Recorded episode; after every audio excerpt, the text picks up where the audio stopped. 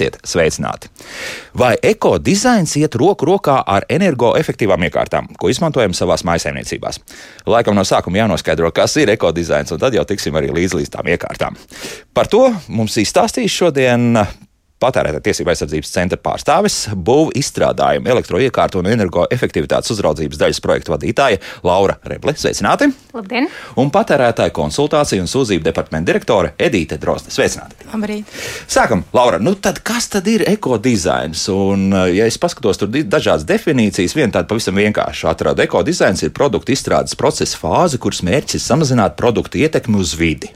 Jā, tā mēs varam teikt. Kaut kas līdzīgs. Es parasti saku, ka ekodizains vienkārši nozīmē, ka mēs integrējam vidus aspektus visā preces dzīves ciklā.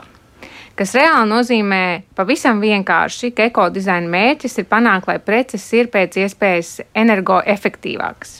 Ja... À, es saku, pilnīgi lasot to, kas ir publiskā telpā pieejams, domāju, nu tad mēs izmantojam vidē draudzīgus materiālus, ražojam kaut kādu produktu, līdz ar to par to energoefektivitāti sākam domāt, nu, kaut kur stipri pakārtoti. Tā nav. Ir pilnīgi ne, pretēji. Ja? ir pilnīgi pretēji. Jo tā doma ir panākt preci, energoefektīvu preci, kura sniedz to pašu rezultātu vai dara to pašu lietu, tikai patērējot mazāk resursus, mazāk elektrību, mazāk ūdeni. Kā pasaulē soks ar šādu ekodizainu ieviešanu? Eiropas Savienībā soks tīri labi, manuprāt, pat visu pasauli nemācējuši teikt.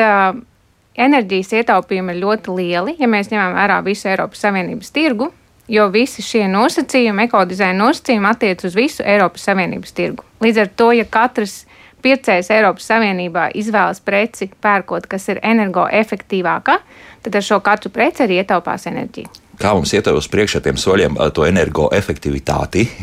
Kā tur ir? Jo, jo kaut kur ir savas robežas noteikti. Jā. jā. Protams, ir savas robežas. Arī visi šie normatīvie akti, nosaka nevis tikai to, ka, piemēram, veļas mašīna, ko jūs nopērkat, patērē pēc iespējas mazāk elektrības vai ūdens, bet viņa, protams, nosaka arī to, ka nedrīkst pasliktināties kvalitāte.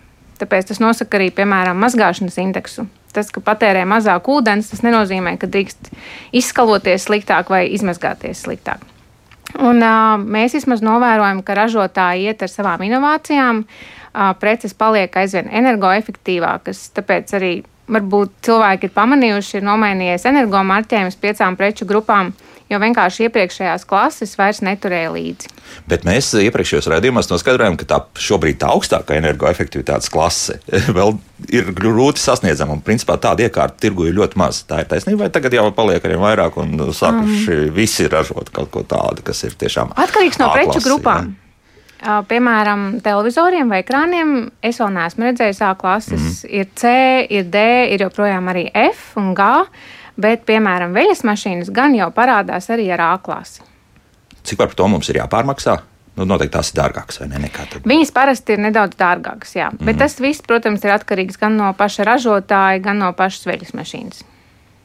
Mm, bet, bet uh, tirgu kaut kas jau ir. Ja? Kaut kas jau ir, jā.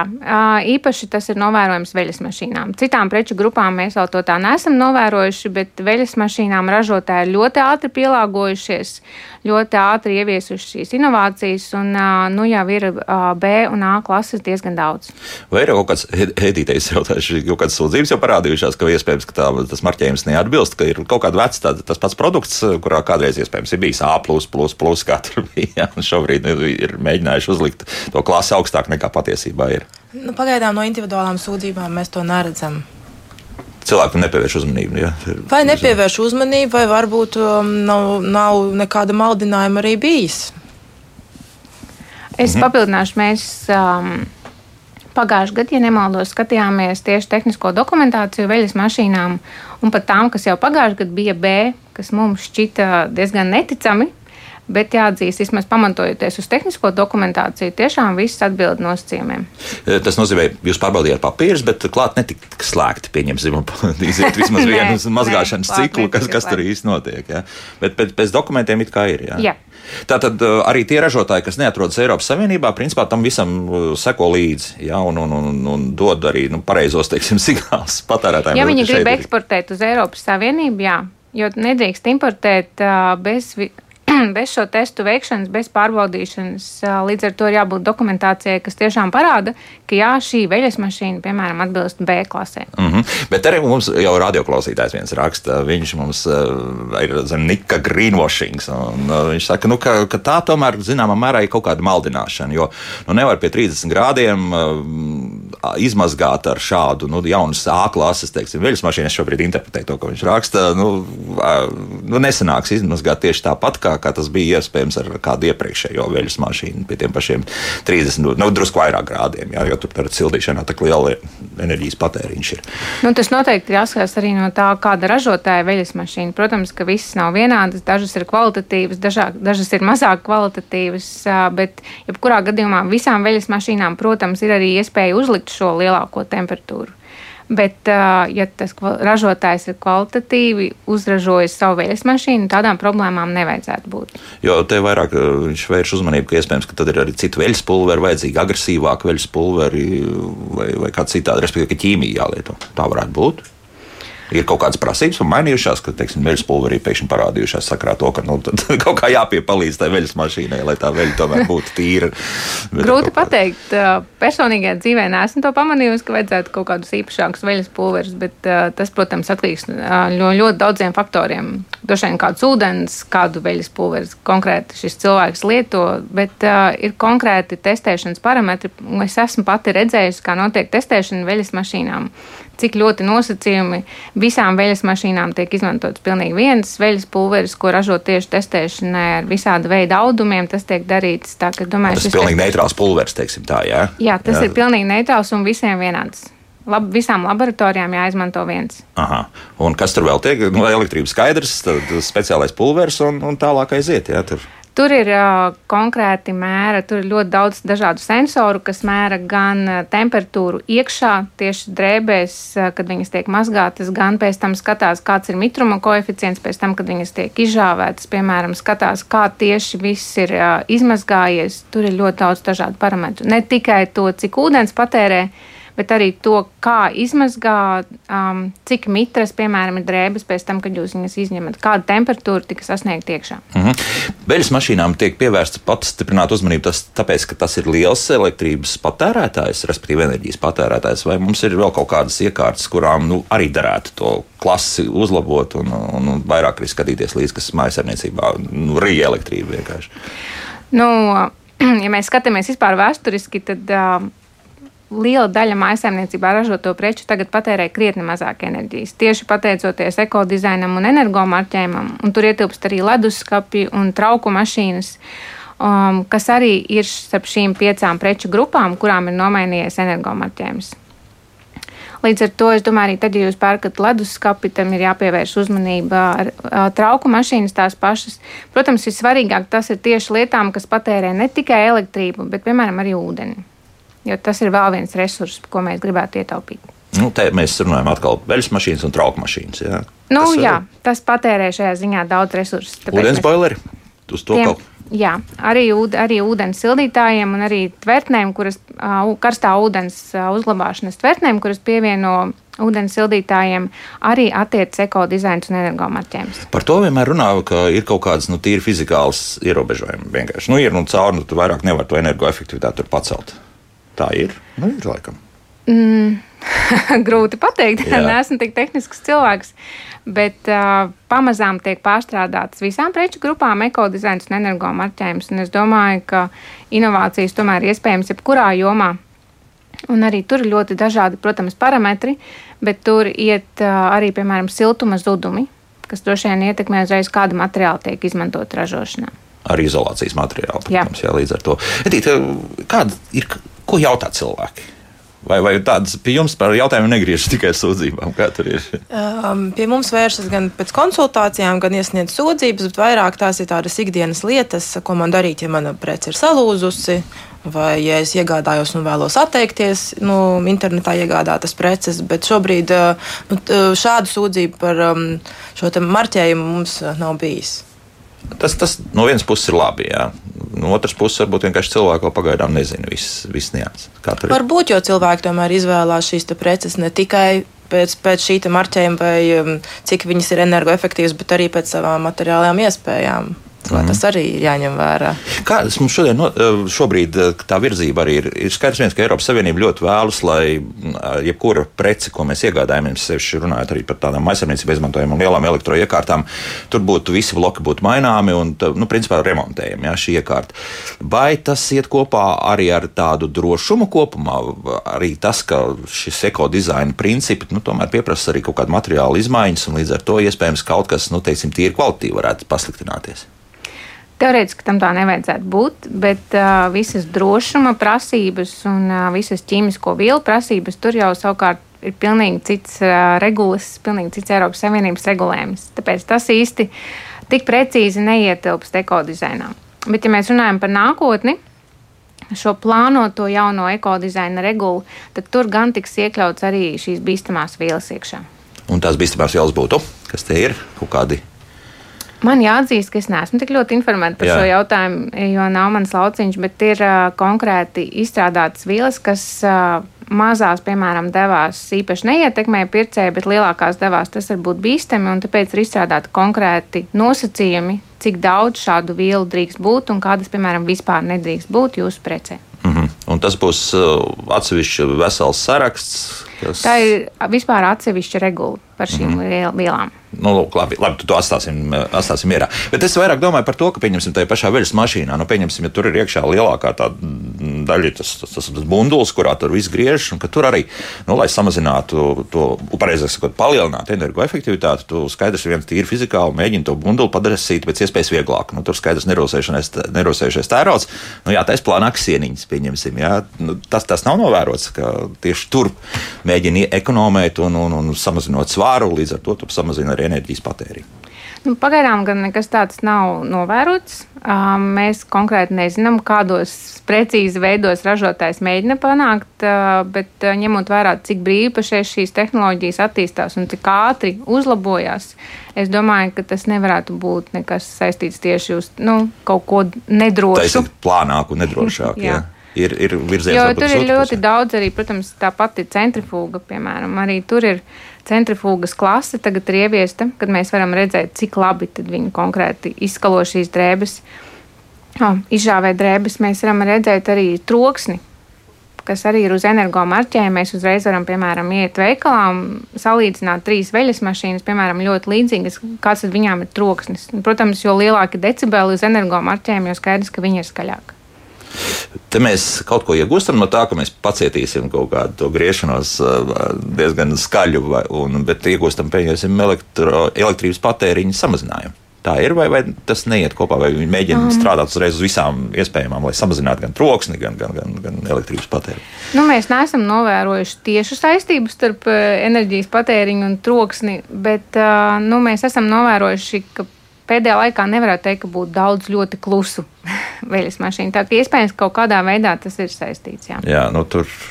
Bet arī tas, ka arī centrifuga, centrifugas apgriezieni um, paliek aizvien lielāki un lielāki. Līdz ar to es domāju, tas arī rada uh, veļas mašīnai papildus slodzi. Var kaut kādas salīdzinošas skaitļus pateikt, nu, pieņemsim, kā bija agrāk un kā ir tagad, cik tie griešanās ātrums ir pieaudzis. Nu, tīri no personīgās pieredzes, jā. piemēram, kādreiz nopirku veļas mašīnu, 800 apgriezieni bija. Minūtē, kaut kā, jā, tas kā. Jā, jā, tas bija jā. kaut kāda norma. Tagad, piemēram, ir 1000, 1200 un uz augšu. Pieklājīgs pieaugums, jā. jā. Un tas nozīmē ātrāk Tas nozīmē, ka drēbes ir sausākas, kad mēs viņas izņemam no vējas mašīnas. Jā, tās drēbes ir ļoti labāk līdz ar to. Tas jau ir cits jautājums. Jā. Protams, jā. Savukārt, pieņemsim ledskapiem, kur ir tie galvenie virzieni, kā, kā strādā industrija? Um, no leduskapiem ir.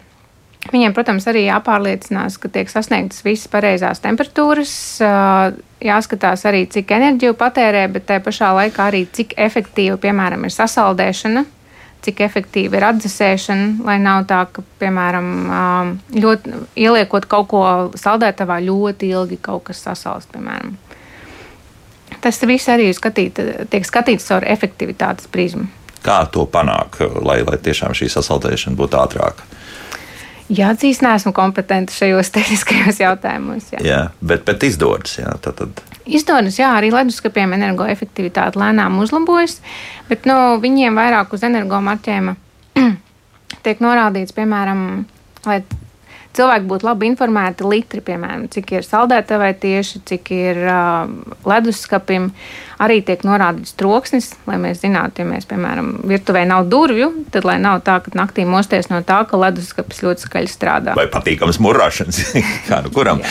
Bet Kārlis mums savukārt raksta, ka viņš meklē leduskapu ar biezāku siltumu izolāciju. Nevar atrast, kad atrod daži kvadrātmetri biezāku izolācijas materiālu, maksā papildus gan arī 1000 eiro hmm, tad jums tāds skārli nopietnas leduskapis ir vajadzīgs. Ja tiešām.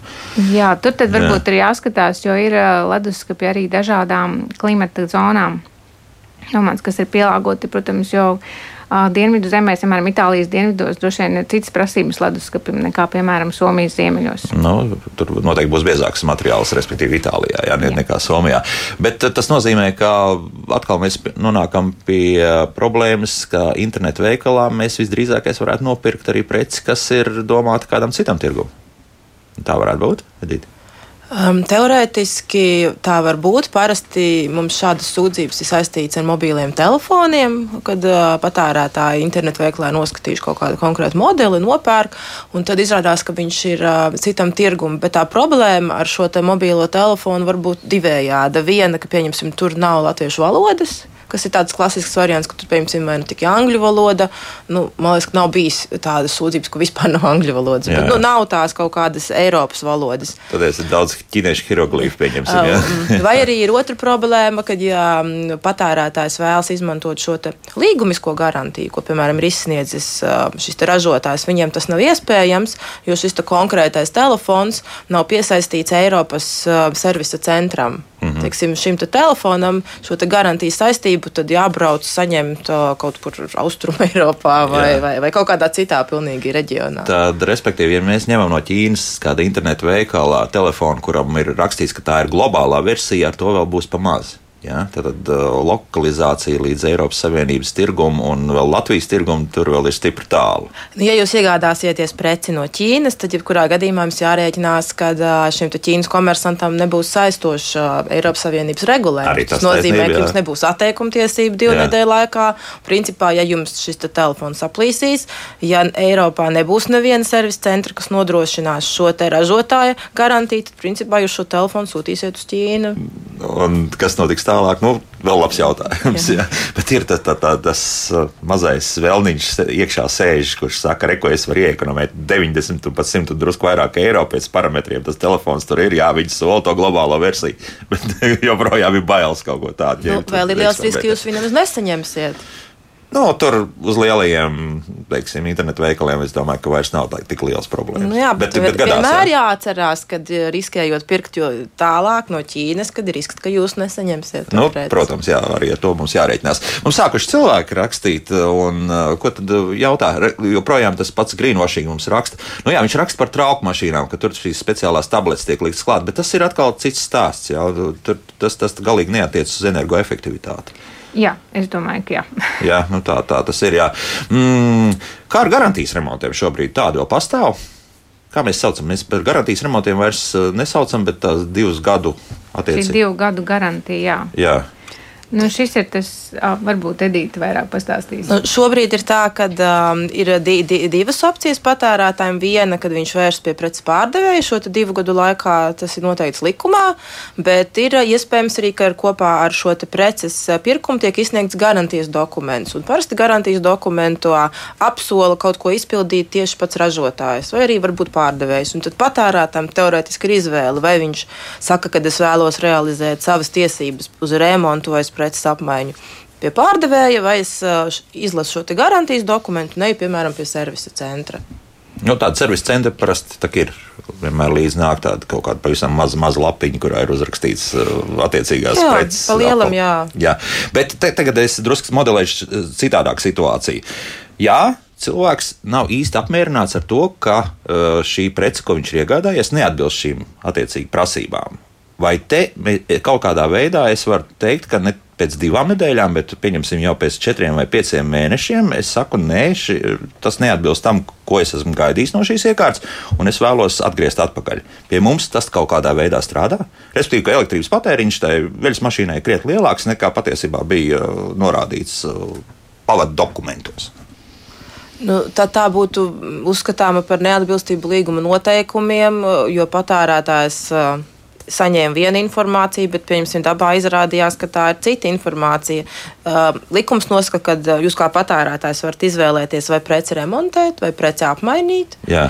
Uh, protams, pārdevējs var teikt, ka nē, viņš uzskata, ka remontu veikt ir. Uh, lētāk un efektīvāk. Bet šai gadījumā jūsu uzmodelētajā jā, tur, tur īsti nav, nav ko mainīt. Nav, nav ko mainīt, jā, vienkārši. Nav ko remontēt. Tā kā rīkoties, tad es gribēju drusciņi piebilst, ka jā, atkarīgs arī no tā, kā mēs lietojam šo preci.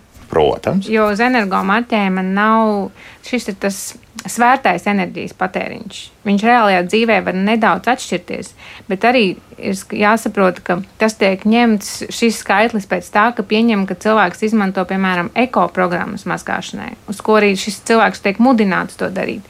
Bet, ja, piemēram, mēs liekam uz 60 grādiem visu mazgāt, un nezinu, divreiz vēl skalojam, papildus vai vēl kaut ko, tad ir jārēķinās, protams, ka šis enerģijas patēriņš būs lielāks. Nu jā, bet to. Nē, nu patērētājiem to vajadzētu zināt pēc būtības, ja, un ar to rēķināties. Ja, ir. Bet, ja es tā tiešām konstatēju, ka izdarot visu pilnīgi pareizi, un, un tomēr nu, nav tās ekonomijas, un nav to, ko es esmu gaidījis, es pārmaksāju katru mēnesi, darbinot attiecīgo iekārtu, nezinu, 5, 10, 20 varbūt eiro. Tad jūs varat vērsties pie pārdevēja un teikt, ka šī prece neatbilst līguma noteikumiem. Jā. Bet tad jautājums, kā šis strīds risinātos, um, kā puses pierādīs, kāda tā, tā veļas mašīna strādā, kā jūs pierādīsiet, ka, kā jūs nofiksējāt, ka viņi tērē vairāk. Vienmēr sakot, ir sarežģīti. Jā, nu, šādā šādā leņķī būs sarežģīti. Varbūt nākotnē varēs pierādīt, varbūt būs arī iespējas patērētājiem, kā šo mērīt tieši tāpat. Ne, nu, mērīt jau it kā var ļoti elementāri ieliekot iekšā attiecīgi elektrības rozetītē šo mērītāju un caur to laist un paskatīties, kas tur notiek. Ja? Tāds mums arī, starp citu, ir ieteikums bijis nu, kaut kāda rādītāja būs, uz, eh, parametri būs uzkrājušies ar, ar laiku. Ar laiku. Tā, mums te joprojām neliek miera ar tām trauku mašīnām. Izrādās, kas ir, kur problēma varētu būt, kā mums raksta tālāk radioklausītāji, ka, ja mēs sākam ekonomēt ūdeni trauku mazgājumā mašīnā, tad šīs tablešu attiecīgie tie sāļi vai kas tur ir virsū, tie neizskalojas līdz galam. Un līdz ar to paliek uz trauka, tālāk tas nonāk atkal mūsu ēdienā. Nu, pašsaprotami. Ja, tur, ir, ir bažas par to, ka šajās tabletēs esošās lietas ir pietiekami konsergēnas. Nu, protams, jāsās arī attiecībā kāda tā ir konkrēta trauku mašīna, bet uh, testējot tiek arī, uh, kad testē trauku mašīnas līdzīgi kā veļas mašīnas, piemēram, arī tur simulē šos reālos apstākļus, saliek traukus, kuriem ir um, konkrētas vielas, kas savukārt simulē, piemēram, ēdienu atlikumus un kurus pēc tam palaiž šo trauku mašīnu attiecīgajos režīmos, un pēc tam skatās visu, gan kā ēdiens ir noņemts, gan arī kā noskalots, un arī konkrēti, protams, mazgāšanas līdzekļi. Tam visam ir kaut kādi standarti, kuriem ir jāatbilst. Līdz ar to šādai problēmai vismaz teorētiski nevajadzētu būt. Mm -hmm. Vispār man tas ieinteresēja.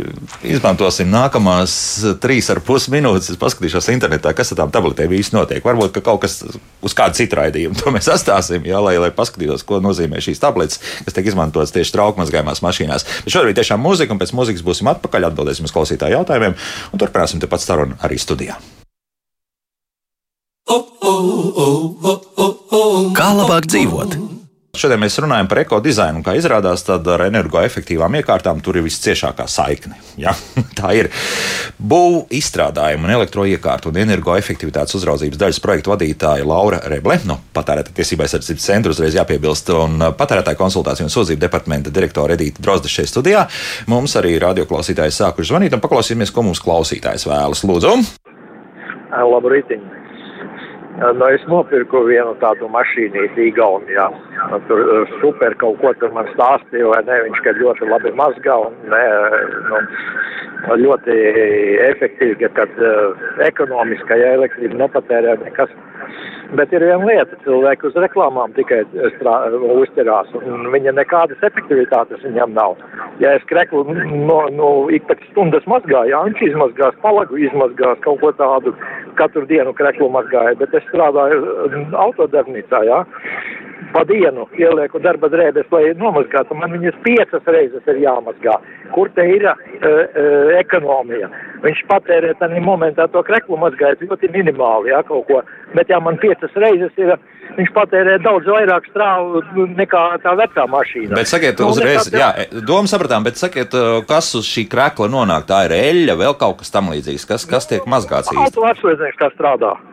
Nu, respektīvi, viss kas, jā, tur var būt netīro meļu un, un tā tālāk. Man igauni, igaunim pieliku tā, es saku, šitā un tā, jā, izstāstīja, kas pa lietu ir.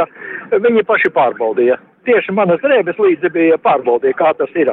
Nu, un man atdeva 640 eirikus atpakaļ, un es nopirku pa nepilni, pa 195 nopirku veco labo mašīnīti tādu, jā, kas nav B laikam tā klase, kas ir. Un viņam man es pats ar, elektro, ar instrumentiem pārbaudīju, ka stāvu patērē mazāk nekā šitā te man pa 5 reizes mazgājot. Nu, labi, tā, paldies. Ko teiksit? Vispār, protams, izklausās, ka tur ir arī jautājums par to, par pulveri, Viņiem dažādas efektivitātes, un mēs, nu, vismaz manuprāt, arī traipi dažādi ir ar traipu tīrāmajiem līdzekļiem jātīra.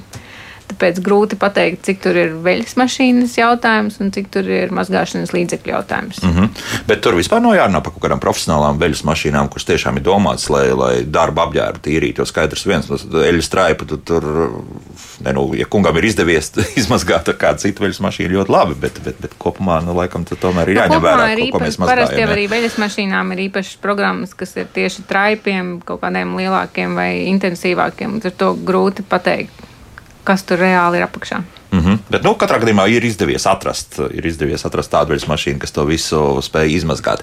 Ko mums vēl te jautā? Mm, Normāls uzraksta, neviens neiedomājas, ka eko režīmā alerģija palielinās vairākas kārtas un drēbes nolietojas ātrāk, līdz ko pērkam jaunas drēbes. Ekonomija ir kaķim zem astes pēdus, daba pieaug neskaitāmas reizes, respektīvi arī atgriežoties pie tā paša, ka iespējams, ka mēs kaut kur ko ņemam, tad mums arī kaut kur ir jādod, laikam tā. Jā. Bet uh, dīvaini, kāpēc gan drēbju nolietošanās palielinātos ekorežīmā?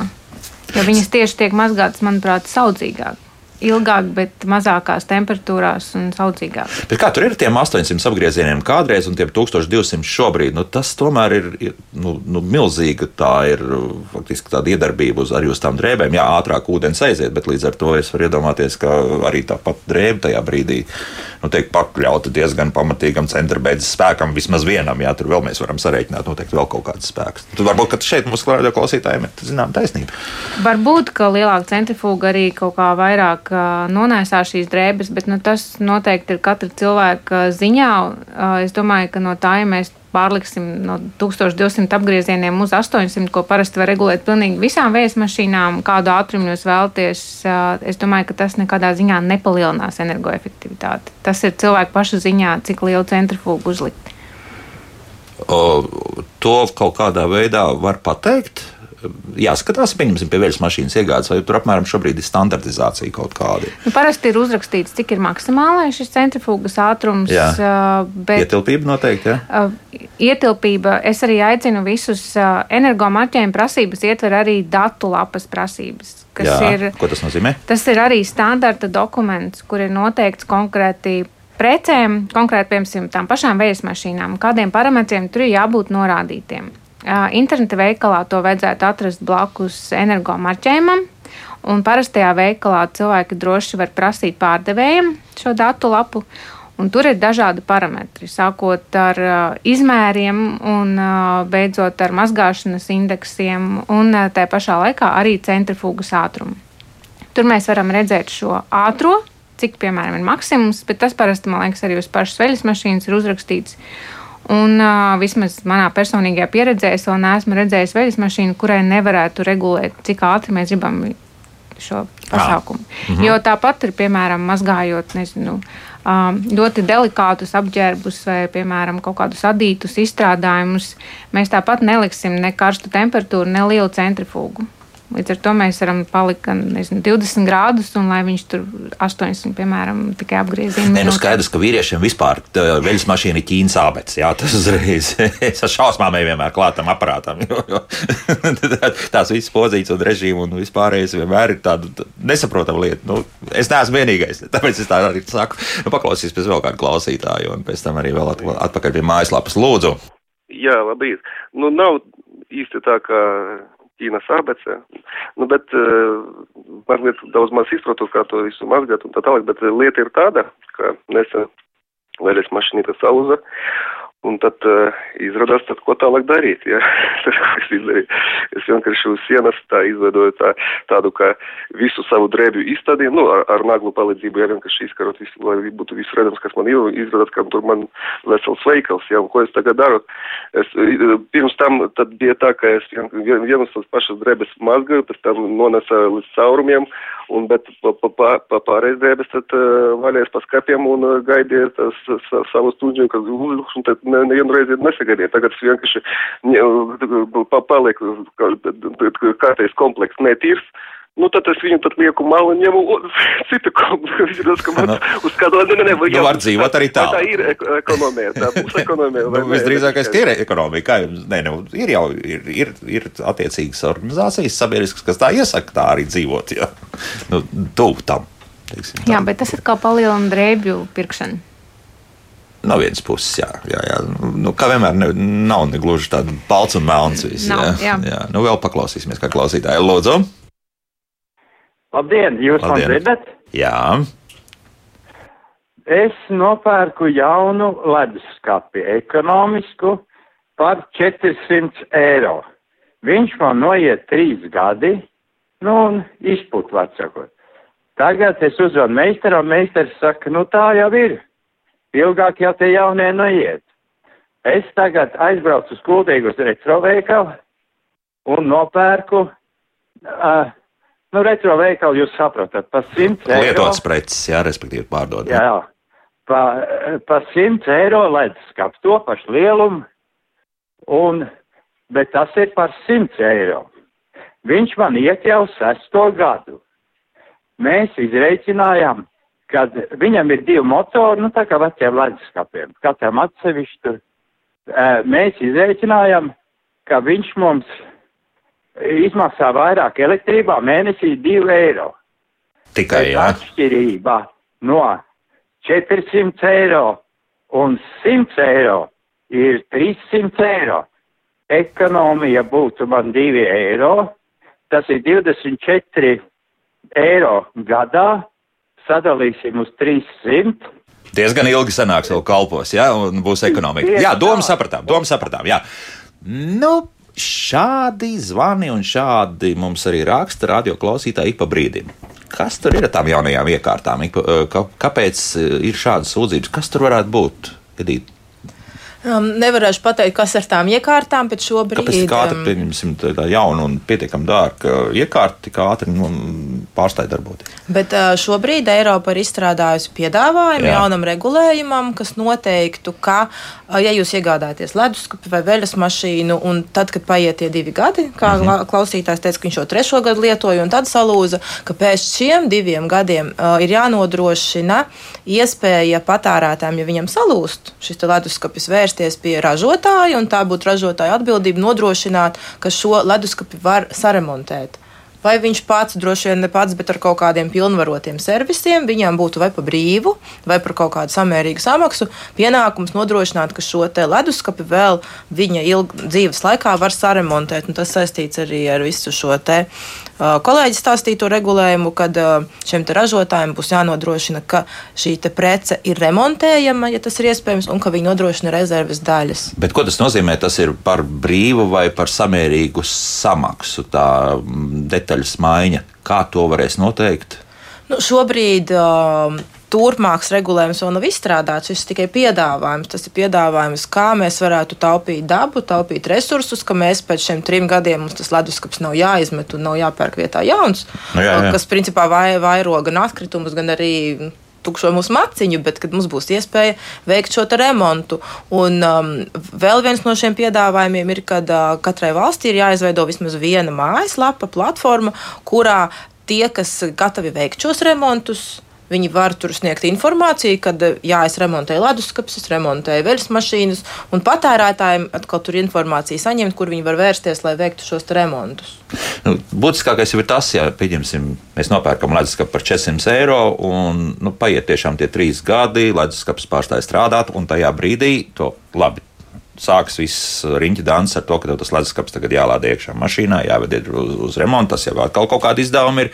Un tajā brīdī, kad tu esi aizvedis, tad tev saka, nu, ziniet, tas motoriņš tur apakšā maksās savus 150 eiro. Tad varbūt, ka kungam būs taisnība labāk. Viņš nopērk jau zinām preci, kas ir kādu laiku strādājusi par 100 eiro, un viņam tā ekonomija būs lielāka nekā pērkot un domājot, ka tas 400 eiro vērtēs, lai tas skats pēc kāda brīdī nestrādās. Tā doma, tā doma vēl, veidojot šo regulējumu, ir, kad jums pa priekšu nav jāved, bet kad, tad, kad jūs atradīsiet, pieņemsim, mājaslapā, kad rekurmam pie mājas vai kaut kur remontē leduskapis, jūs pieprasiet informāciju, un šis pakalpojums sniedzējs jums sniedz tādu kā arī datu lapu, kurā viņš pateiktu aptuveno remonta izmaksas, laiku, Aha. varbūt, ka nemaz nav jāved, varbūt viņi var atbraukt pie jums un saremontēt. Aha. Respektīvi, tā doma ir tāda, kā palielināt šīm precēm to viņu dzīves ciklu, lai viņas jūs varat lietot ilgāk, lai varat remontēt, lai jums nav jāpērk un nav jāmet ārā. Un vairāk informācijas par iespējām remontēt. Protams, šo, un tieši, à, nu, tieši tas paskat, izskatās, ka krietni labāk jau, krietni labāk tas jo, un tas arī pēc e Eiropas visām šīm projekta vairot arī ekonomisko kaut kādu labklājību, jo tie, kas remontē, viņiem ir iespēja sniegt savu pakalpojumu. Daudz mm. plašākam iedzīvotāju lokam. Es domāju, ka jā, tur atkal jauns biznesa parādās, bet vai tam ir kaut kāda pretdarbība no ražotāja puses? Ir kaut kas dzirdēts, ka viņam šī nepatīk tādas regulas ieviešana. Nu, protams, šobrīd notiek šīs sarunas ar visām interesētajām pusēm. Tur tiek izvērtēts, um, cik sīks un cik noteikts ir šis regulējums. Bet no otras puses, atkal ražotāji jau arī ir interesēti ražot uh, šīs preces atbilstoši, lai viņiem būtu tas pircējs. Mm -hmm. nu, labi, vēl kādu klausītāju klausīsimies, un uh, klausītāji mums tagad zvana ļoti daudz. Lūdzu! Labrīt! Labrīt. Mēs nopirkām leduskapi eironu. Marķējumā ir rakstīts, ka subtropu un tropu joslā der. Tas nozīmē, ja virtuvē ir 30 grādu temperatūra, tad leduskapī jābūt atbilstošai temperatūrai - 0 grādu, ja. Un ir tāda lieta, ka virtuve jau uzsilst 30, 31 grāds, tad leduskapī mums ir 14 grādi. Izsaucam meistaru. Atnāk meistars Jums taču leduskapī normāla temperatūra, tas bija vēsāks laiks jau. Mēs sakām, bet karstākā laikā ir 30 grādu temperatūra un leduskapī mums ir 14 grādi. Tas ir saldētavā visdrīzākais mīnus 14, jā? Ja? E, jā, mums ir tā, jābūt ir no 0 līdz 4 grādiem, un 14 grādi ir arī korpusā, saldētavā vēl nu varētu turēt tur produktus, tur ir tā kā laba temperatūra, bet 14 grādu korpusā. Un tagad meistars saka, man tieši to brīdi jākonstatē ir. Nu, mēs mājās uzsildām elektrisko plītiņu, sasildām, atnāk meistars, Nē, jums it kā temperatūra ir normāla, bet saka, pagaidiet, pasēdiet kādu stundu vai divas stundas. Es nevaru sēdēt, gaidīt, ka tā temperatūra sakāps ledskapī līdz 14 grādiem, un viņi pēc kādām trīs stundām, kad tā virtuvīte ir karsta, uzkāp līdz tiem 14 grādiem. Tā arī mēs ar atzinumu nedabūjām, un līdz ar to jau nevar iesniegt arī pircēju tiesību aizsardzībā, ja tas mēs ar atzinums nav. Tā kā praktiski, ja šāds ledskaps eironi ir iegādāts, tad uh, temperatūra salonā būs 14 grādi grādi, un mēs tagad izlietojam viņu pa produktu skapīt, liekam sausos produktiņus iekšā. Mm -hmm, skaidrs. Labi, paldies. Jā, paldies. Jā. Nu, ko teiksiet? Nu, teorētiski tā strīda risināšanai konkrētajā gadījumā klausītāji nepastāstīja, vai viņi bija vērsusies pirms raksturveidu iesniegumu pie preces pārdevēja. Jo, ja, ja meistars ir nācis, tad iespējams, ka ir tomēr nu, iespējams, ka komunikācija ir bijusi. Jā, jā, komunikācija ir bijusi, bet, ja pieņemsim, ir tā, ka viņi nevar šo meistaru sarunāt, ka viņš atnāk tajā laikā un veic šo te pārbaudi, kad, kad, kad nestrādā šis leduskapis atbilstoši, tad, ja nav vērsusies, tad es aicinātu vērsties rakstveidā pie šī pārdevēja tad, lai pārdevējs rakstveidā atbild, pieņemsim, mēs sūtīsim vēlreiz meistaru vai, vai, vai kas tur ir pa problēmu. Un, ja ar šādu rakstveidu komunikāciju nevar atrisināt, tad viņi var vērsties pie mums patērētāja tiesība aizsardzības centrā. Nu, bet būtu vēlams, jā. jā. Vai tam, nozīme, ka tu skaties, ka tas ir tropu valstīm domās kaut kādu lomu spēlē, vai drīzāk, kur tas leduskapis tajā mājā atrodas. Pie tā mēs arī vienreiz nonācām pie secinājuma, ka ir ielikts ap, apkārt ir divi skati, un vienkārši sakot, šis leduskapis neelpo pietiekami, ja, un, un iebūvētam leduskapim atkal ir pavisam citi parametri. Nu, tur, protams, ir jāskatās, kāda ir parametri, bet ja tas jau ir domāts šīm tropu un subtropu klimata joslai, tad viņam, protams, vajadzētu labi strādāt arī šajā karstajā virtuvē. Bet tas, protams, ir jāskatās jāskatās, jā, kas tieši ir rakstīts, piemēram, lietošanas instrukcijā, uh, nu, kādi ir šie lietošanas veidi, cik tālu no kā viņam ir jāatrodas. Uh, tas noteikti ir jānoskaidro arī, bet, jā, kā jau man kolēģi teica, jā, tad jāturpina šī rakstiskā saraksta. Mm -hmm. Ir jāpacīnās par savām tiesībām, ja tā var teikt. Nu, vēl vienu klausītāju uzklausīsim, Lūdzu. Par tiem remontiem gribēju pateikt. Tiem ražotājiem nav izdevīgi, ka remontē. Tas ir viens, jā. Otrs, kas ir visas šie remonta servisi, kas ir, jā, viņi ir ļoti lieli speciālisti. Viņi tikai tik daudz zina, kad uh, tas bloks atbild par to, tas nestrādā un bloku maina. Bet tālāk viņam jēgas, kas tam blokā ir, ko tas transistors dara, ko tā pretestība dara, viņam galīgi nav. nav. Un viņi maina visu nost un cenas ir mm, lielas, jā. Mm -hmm, skaidrs, jā, un, sapratām domu. Speciāli... Jā, oj. Tā, nu, iespējams, ka tā arī ir, ka bloku maiņa ir bloku vaina un neviens tur iekšā nelīdīs. Nu, pašreiz arī jārēķinās ar to, ka tomēr vidējais Latvijas pircējs ir pieradis, ja viņam kaut kas salūst, viņš izmet ārā šo preci un nopērk jaunu. Jā. Un, uh, es domāju, tieši ar to, ja mēs mainām šo domāšanu, ja mēs koncentrējamies uz remontēšanu, tad tas, domāju, ka tas mainīs arī pašu remontētāju attieksmi. Mēs ceram vismaz uz to. Uz labāko pusi, jā. Jā, ka tas tā ir. Jā. Mm, Robs jautā, kurš pārstāv Eiropas Savienības patērētājs šajās remonta iespējas sarunās un kā tam var sekot līdzi, lai patērētājiem pircēji atkal nepaliek pie ratiem. Kā to darīt? Iedīt, jā. Um, nu šajās, pilsoniski tāds aktīvs cilvēks. Tad, kad tiek izteikti šādi piedāvājumi jaunam regulējumam, tad um, Attiecīgi tas viss ir publiski pieejams, tiek uh, veiktas gan, gan pētījumi, gan aptaujas, gan ieinteresētās puses tiek apzinātas. Ja, ja patērētājiem ir interesanti, viņi var sekot līdzi visās oficiālajās Eiropas Savienības platformās šiem procesiem. Jo tie ir pietiekami caurspīdīgi, un šīs sarunas jā. ir labi redzamas. Jā. Jā. Un arī latviešu valodā viss, faktiski visi dokumenti tiek tulkot, līdz ar to tev nav obligāti jāpārzina labi angļu valoda, lai visam sekot līdzi. Jā? Nu, lielākā daļa dokumentu daļa, tiek tulkot. Aha. Priekšlikumi, piemēram, nevienmēr gan jāatzīst, tiek tulkoti angliski, bet es domāju, jebkurā gadījumā ir jāmēģina pašreizēji pietiekami labi attīstījušies šie mākslīgā intelekta tulkošanas servisi. Tā ka es domāju, ka tas viss ir iespējams. Mm -hmm. Eko Raivo raksta, viņš šobrīd atrodas atrodas Norvēģijā, mūs klausās.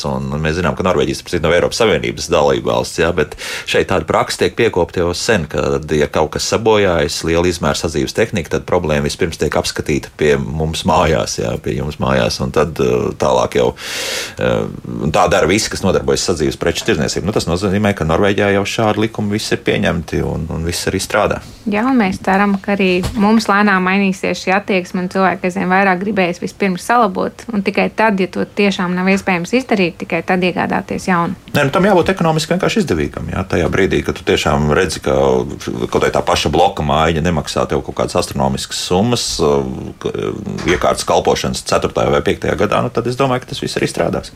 Jā, jā. cerams. Mm -hmm. Nu, vēl paklausīsimies ātri kādu klausītāju. Lūdzu! Halo! Jā. Jā, jūs esat ētrā. Labrīt, labrīt kungi un dāmas. Labrīt. Kāpēc es nedzirdu kad inženieri strādā uz tādu sistēmu, lai tas aparāts darbotos zināmu laiku. Tur inženieri strādā visos zavodos. Viņi ir ieinteresēti, lai tas aparāts kalpotu zināmu laiku. Nevis kā agrāk, mūžīgi. Mm -hmm, jā, ir paldies. tādi inženieri, inženieri strādā tur. Inženieri vainīgi. Ja? Nē, nu, tagad tam visam vajadzētu mainīties. Ja? Un, un tomēr uh, saprotam to, ka nu, nebūs tā, ka ik pēc trīs gadiem kāds uh, pirks jaunu veļas mašīnu. Nu, es gribu teikt, ka arī šīm pašām piecām preču grupām, kurām ir šis jaunais energomarķējums, viņiem arī ir jaunas ekodizaina regulas. Un tur jau, piemēram, ir iestrādāts par to, ka ražotāja pienākums ir nodrošināt konkrētas rezerves daļas, tur ir liels saraksts, ietverts uh, konkrētu gadu skaitu pēc pēdējā modeļa laišanas tirgū. Kas iet jau uz to, jau šajās regulās ir, ja, nu, piemēram, mēs esam nopirkuši šo veļas mašīnu, un uh, paiet laiks, bet mums viņa piesim ļoti patīk, bet es nezinu, viņai saplīs durvis vai, piemēram, pulvera dozators, kaut kas noticies, ka joprojām ir jābūt šai iespējai ka mēs varam pieprasīt rezerves daļu, un tur, man liekas, ir arī īsts laiks, man liekas, konkrēti piecas darbdienas, kad ražotājiem ir jānodrošina, jāatsūta šī mm. rezerves daļa jums. Aha.